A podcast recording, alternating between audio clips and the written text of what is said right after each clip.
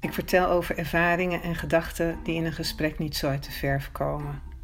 Meer is het niet. Alledaags 28. De stem der dingen.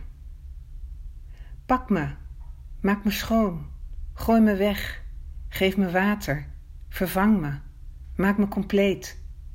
Zoveel dingen om me heen. Al hun stemmen in mijn hoofd roepen om voorrang. Ik kijk naar het plafond.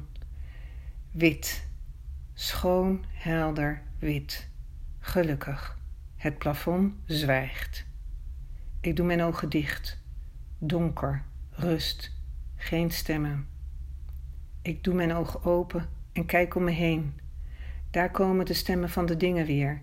De stofzuiger, de wc, het lege melkpak, de bijna lege vaas met bloemen, de kapotte lamp in de gang, de kastdeuren zonder handgrepen.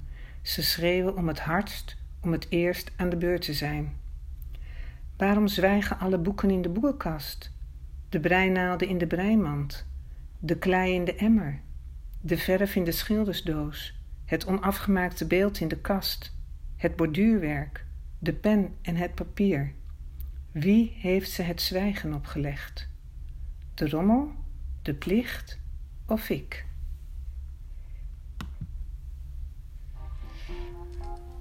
Tot de volgende. Alle daags.